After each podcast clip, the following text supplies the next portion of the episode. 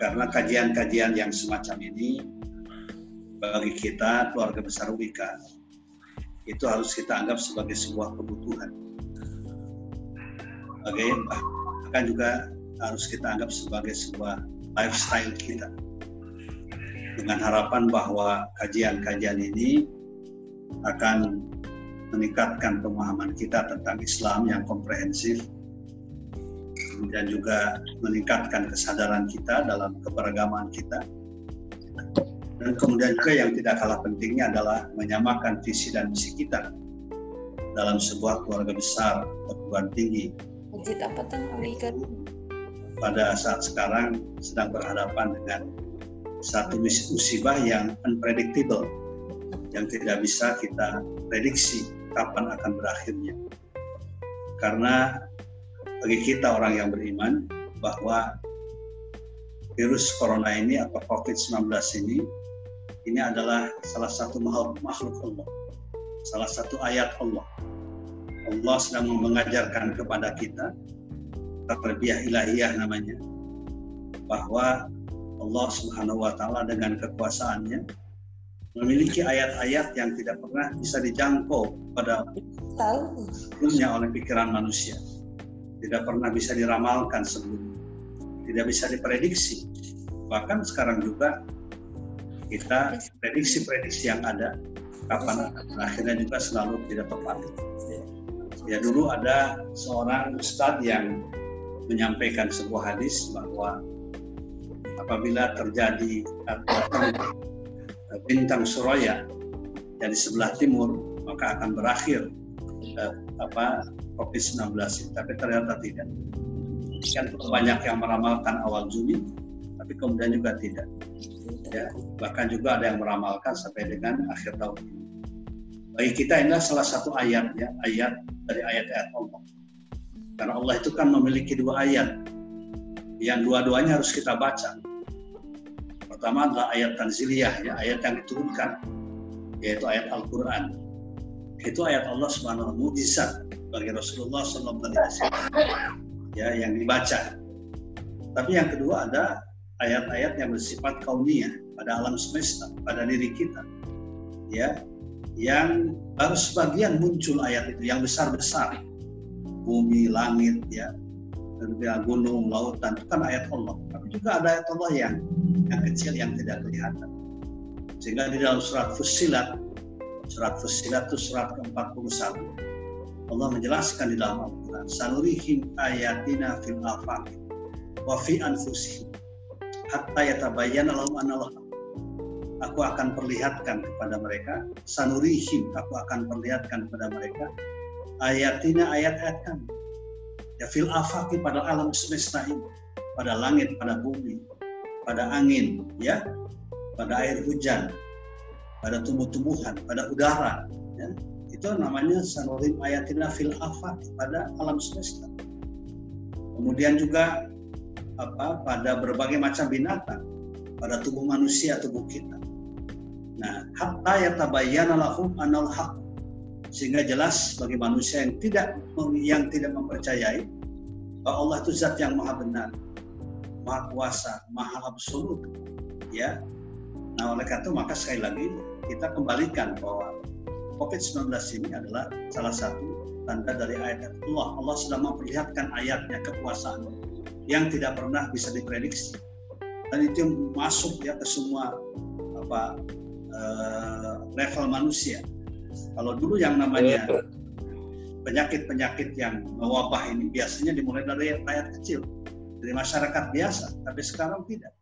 Bahkan negaranya pun dimulai dari negara-negara modern yang secara logika susah dikatakan bisa masuk wabah penyakit pada sebuah negara modern yang hidupnya sudah sudah apa sudah sudah mantap ya sudah tetap gitu ya dan juga penghasilan sudah luar biasa tapi tidak demikian. Nah ini yang disebut dengan sanurihim ayat ini fil afaqi wa fi kami akan perlihatkan ayat-ayat kami pada alam semesta dan pada diri kita.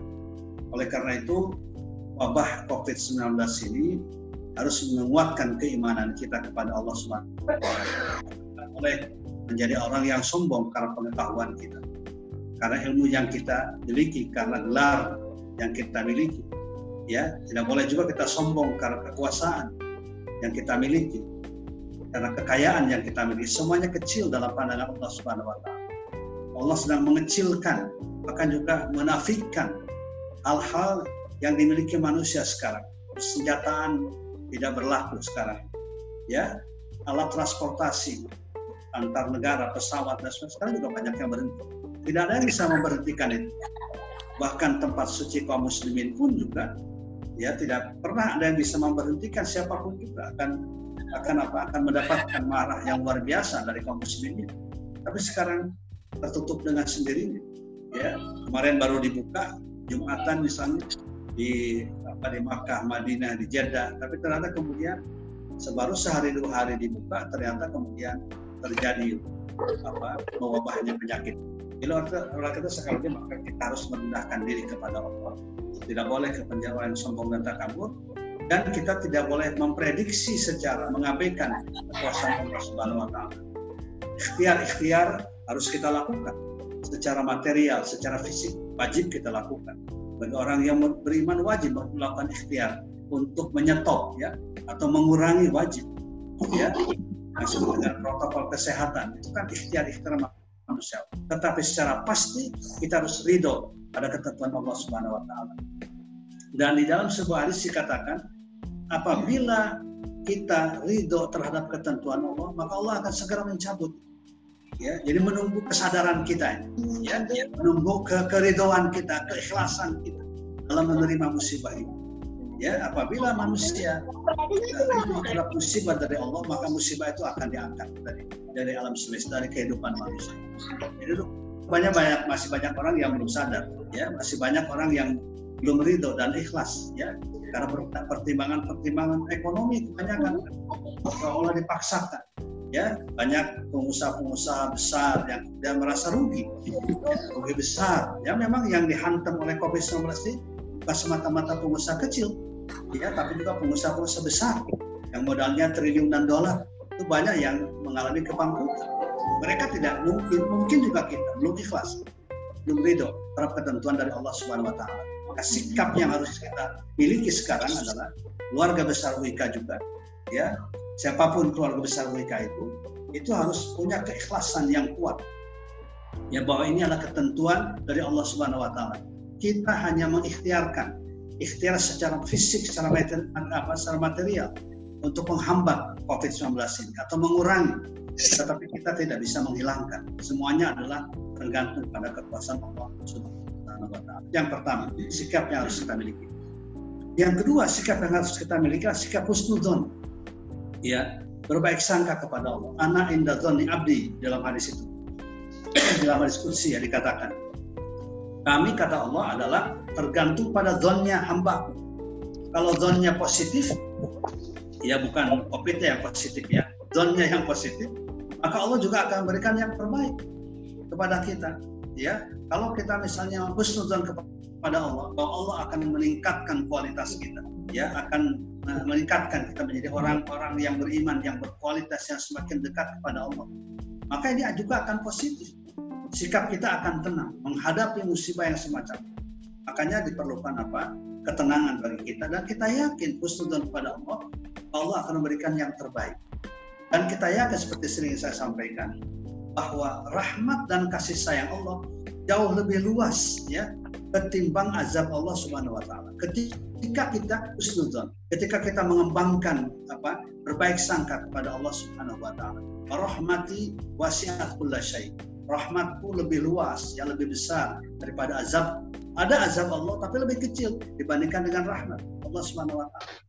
Kita pun sekarang kan katakanlah usia 60 tahun ya 49 tahun kita bebas pergi ke mana pun juga ya bebas ke mana pun juga kita tidak ada yang menghambat tidak ada yang melarang.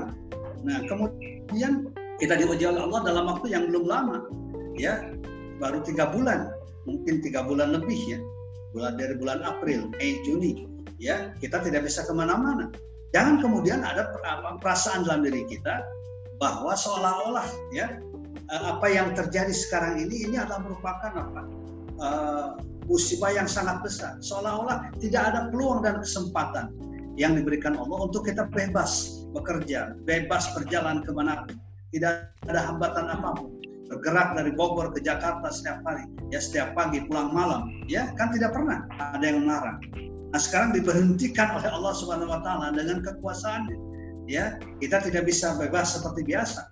Bahkan salaman pun juga kita ragu-ragu. Bahkan ketika ada tamu ke rumah kita pun juga ragu, ragu-ragu terima jangan gitu, ya dan lain sebagainya. Nah perasaan-perasaan ini harus kita minimalisir supaya kita betul-betul berbaik sangka kepada Allah Subhanahu wa taala. Karena husnudzon itu sesuatu yang sangat indah, bagian dari keimanan kita kepada Allah Subhanahu wa taala. Demikian pula misalnya di kampus kita. Ya, kita selama ini bebas ya menerima mahasiswa baru kapan pun bisa, ujian pun bisa. Ya, kapan pun sudah sesuai dengan rencana kita. Menerima mahasiswa baru juga sesuai dengan rencana kita. Wisuda juga sesuai dengan rencana kita tapi sekarang kan kita sering berganti-ganti, berubah-ubah karena keadaan tidak bisa diprediksi. Kuliah online atau kuliah offline juga masih menjadi apa? Uh, apa perbedaan-perbedaan kebijakan-kebijakan sering berubah. Ya, ini tidak apa-apa dalam kerangka apa ya mengadaptasi terhadap keadaan. Oh, kita harus biasa terhadap kondisi yang semacam ini.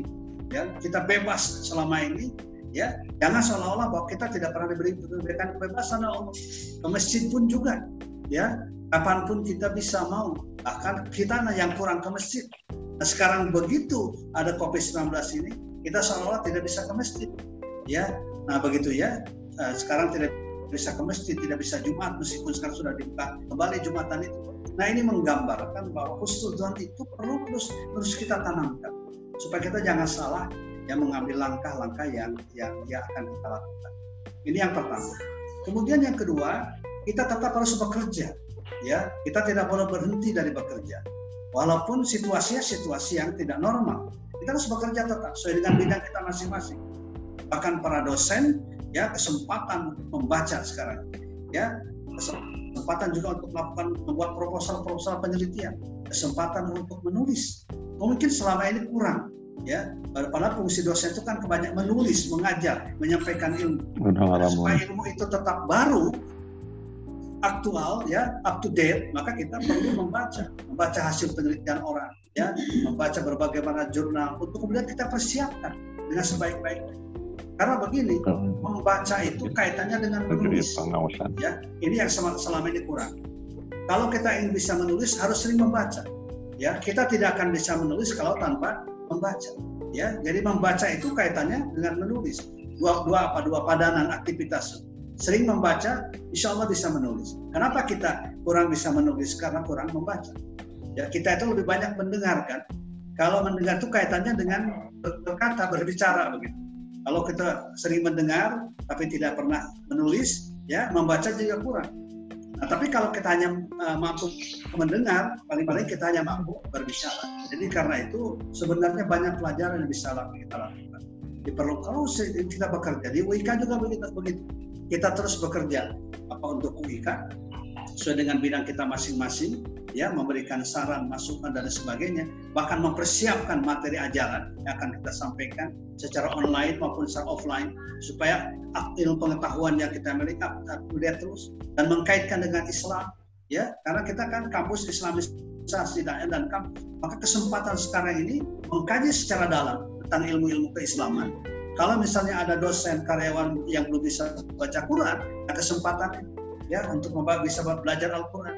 Sehingga fasih semuanya ya keluarga besar Wika fasih semuanya misalnya terhadap Al-Quran. Tidak ada yang asing ya tidak ada yang asing. Semuanya bisa baca Quran.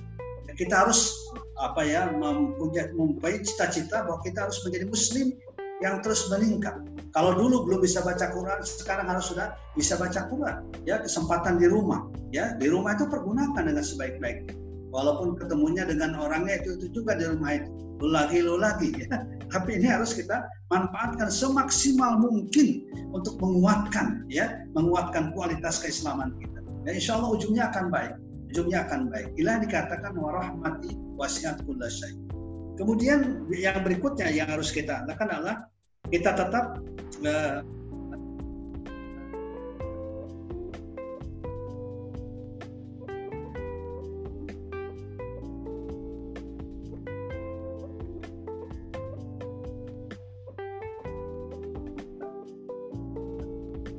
apa? Terus menerus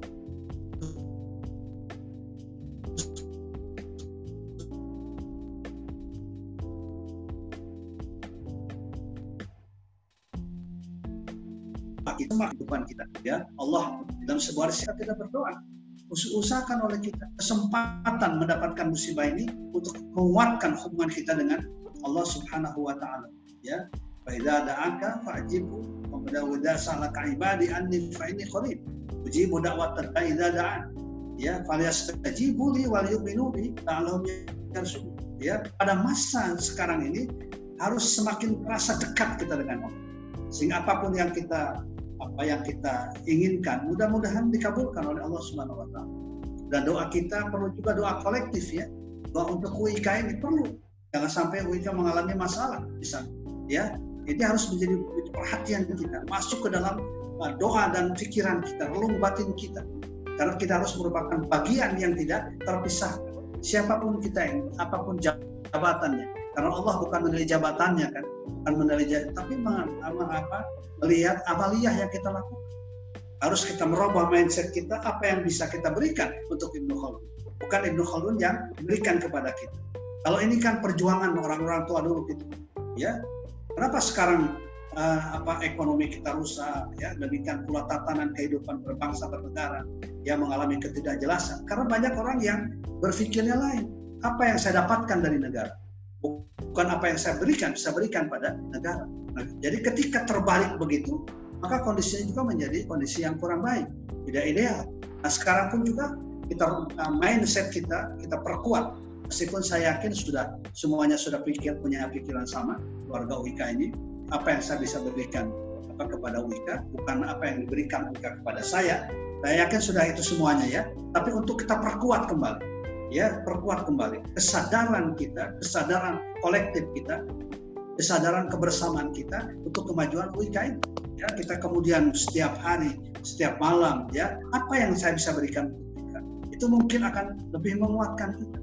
Ya uh, lebih menguatkan kita sebagai keluarga besar Wika yang punya cita-cita pendirinya itu sangat luar biasa cita-citanya kampus Islami, kampus yang baik, kampus yang beradab, ya, kampus yang solid, apa ukhuwah Islamiyahnya, kampus yang kuat, saling nasihat menasehatinya, dan lain sebagainya. Nah inilah adalah hal-hal yang saya sampaikan pada kesempatan ini dengan satu harapan bahwa kita tetap bekerja walaupun di rumah dan kita tetap menguatkan pengabdian kita ya kita tetap uh, apa punya punya kreativitas yang tinggi ya untuk bagaimana ke depan itu kita tugas kita ya.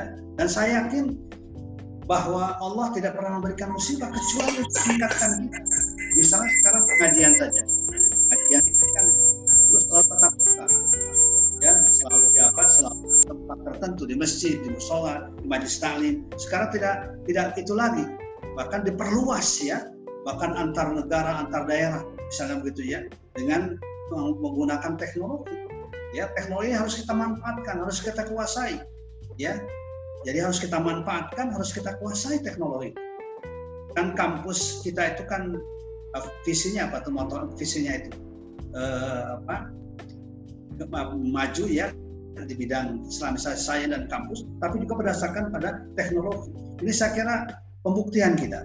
Ya, sekarang bagaimana cara supaya kita memanfaatkan teknologi ini dengan sebaik-baiknya untuk kemajuan pendidikan kita, ya untuk kemajuan anak-anak kita dan lain sebagainya. Kita tetap bisa mendidik dengan maksimal walaupun misalnya kita tidak secara tatap muka, ya. Nah ini oleh karena itu sekali lagi ini tidak boleh menyebabkan kita kemudian lesu ya kemudian kita tidak punya semangat untuk melakukan pengabdian yang terbaik buat UIKM karena itu sekali lagi pengajian Selasa ini akan kita kembali teruskan ya ya syukur-syukur pada waktunya nanti kita bisa kembali tetap buka tapi walaupun tidak ya kita upayakan terus secara konsisten secara istiqomah. Karena ini adalah merupakan bagian penting dari kehidupan kita. Demikian yang saya dapat sampaikan ya awal pengajian ya. Mudah-mudahan semuanya diberikan kesehatan oleh Allah Subhanahu wa taala. Kemudian juga kita semuanya tetap dalam suasana ukhuwah Islamiyah ya menguatkan peran kita bagi kampus yang kita cintai. Demikian yang dapat saya sampaikan. Terima kasih. Mungkin ada Pak Rektor tidak ini? Kalau ada Pak Rektor silakan. Ya. Ada. Nah, silakan Pak Rektor. Di, di pengajian yang pertama ini silakan Pak Rektor. Mungkin memberikan sepatah dua patah kata.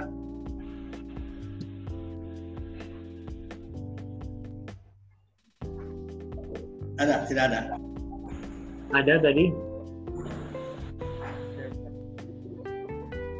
Rektor atau wakil rektor? Pak, Pak Andin juga ada. Ya, silakan kalau akan itu. Ya, tapi Japri nggak nyambung nih. Ah, ah. nyambung belum nih? Ya sudah nyambung. Ya udah sama. Silakan Pak Rektor. Silakan. Yo. Bismillahirrahmanirrahim. Assalamualaikum warahmatullahi wabarakatuh. Waalaikumsalam. Uh, terima kasih Ustadz yang sudah memberikan tausiah dan mengawali pengajian pada pagi hari ini. Dan uh, kita di Universitas Mahadun Bogor itu uh, sedianya kita merencanakan uh, bisa untuk tatap muka pengajian secara terbuka. Meskipun sekarang ada edaran baru dari Kemenag, itu pengajian secara terbuka sudah diizinkan uh, meskipun harus mengikuti aturan protokol kesehatan. Uh, kemudian kaitannya dengan mudah-mudahan Selasa depan kita bisa kita bisa coba apakah mungkin sudah dilakukan secara offline atau masih kalau itu belum bisa ya kita tetap lakukan seperti ini. Uh, kemudian rencananya kita perkuliahan dengan tatap muka diawali pada tanggal kelihatan gambarnya. Ya, secara offline 15 Juni. Tetapi kemarin saya berauden dengan wali kota. Uh, wali kota menghendaki sebaiknya ya sampai perpanjang sampai 2 Juli. Meskipun beliau pada saat itu mengatakan coba kami akan konsultasikan dengan gubernur. Jika gubernur memberikan lampu hijau ya bisa dilaksanakan. Meskipun tentunya saya sudah sampaikan kalaupun dilaksanakan perkuliahan itu eh, 50 persen. 50 persen eh, masuk hari ini besok yang 50 persen lainnya dengan diatur sedemikian rupa.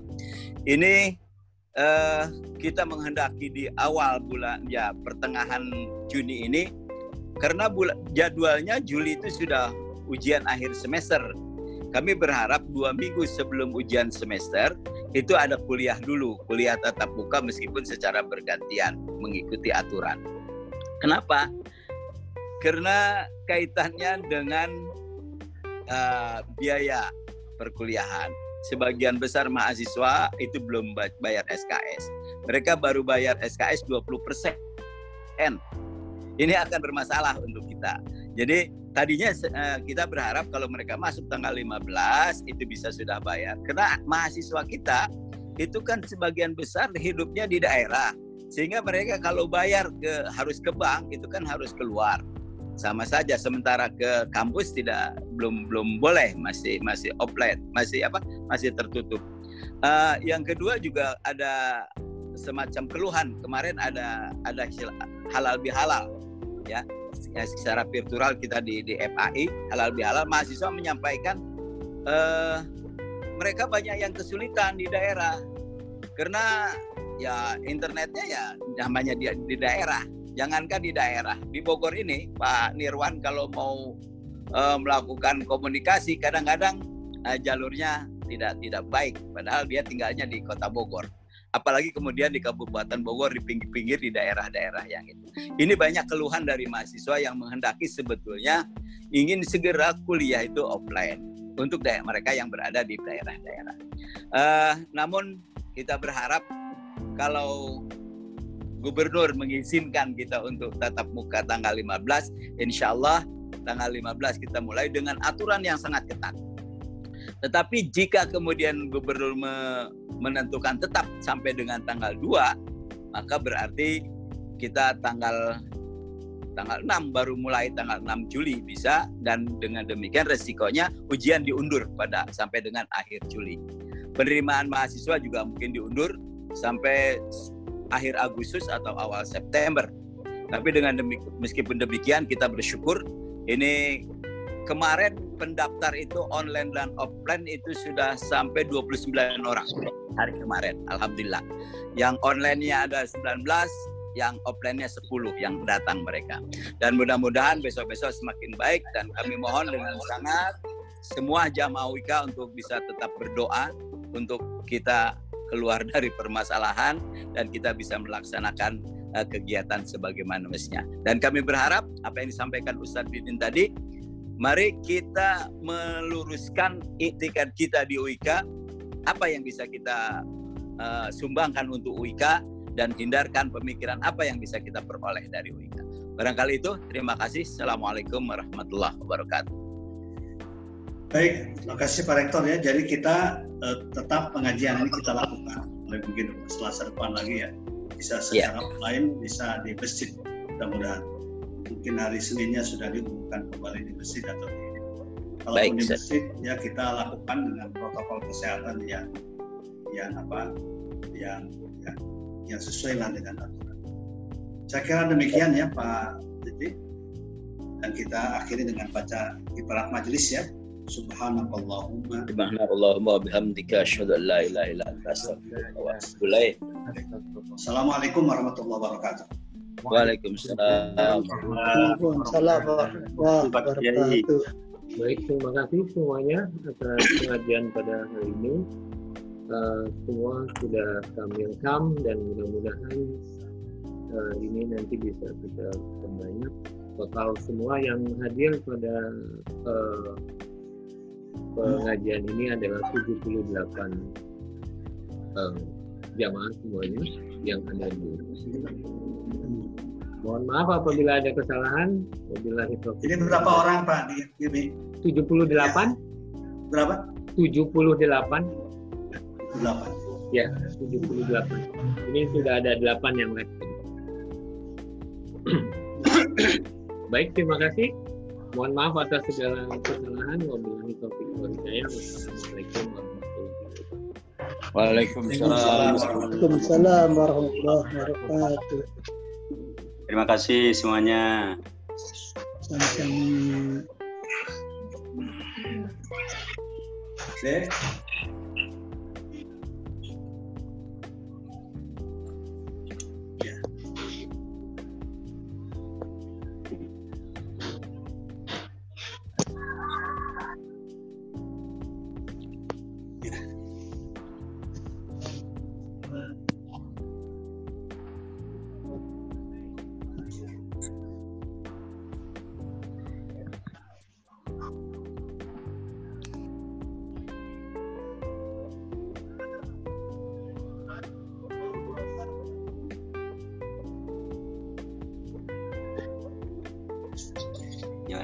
Pak Wido? Alhamdulillah. Lagi di pantai kan? Pantai Belakangnya lautan. Iya. Udah mulai panas sekarang. Rumah Ibu Indria kayaknya masih dingin. Iya. Oke pamit. Assalamualaikum. Assalamualaikum semua. Sami Abu. Bu Leni juga di pantai tuh kayaknya. Iya. Udah kangen ke kampus? Iya. Sehat Pak. Alhamdulillah sehat. Lagi di Iya. Babe.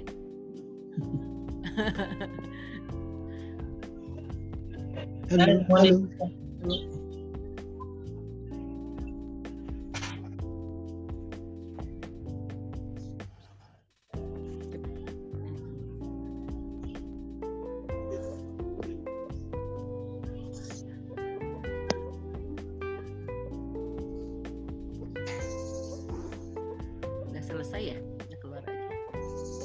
嗯，谢了。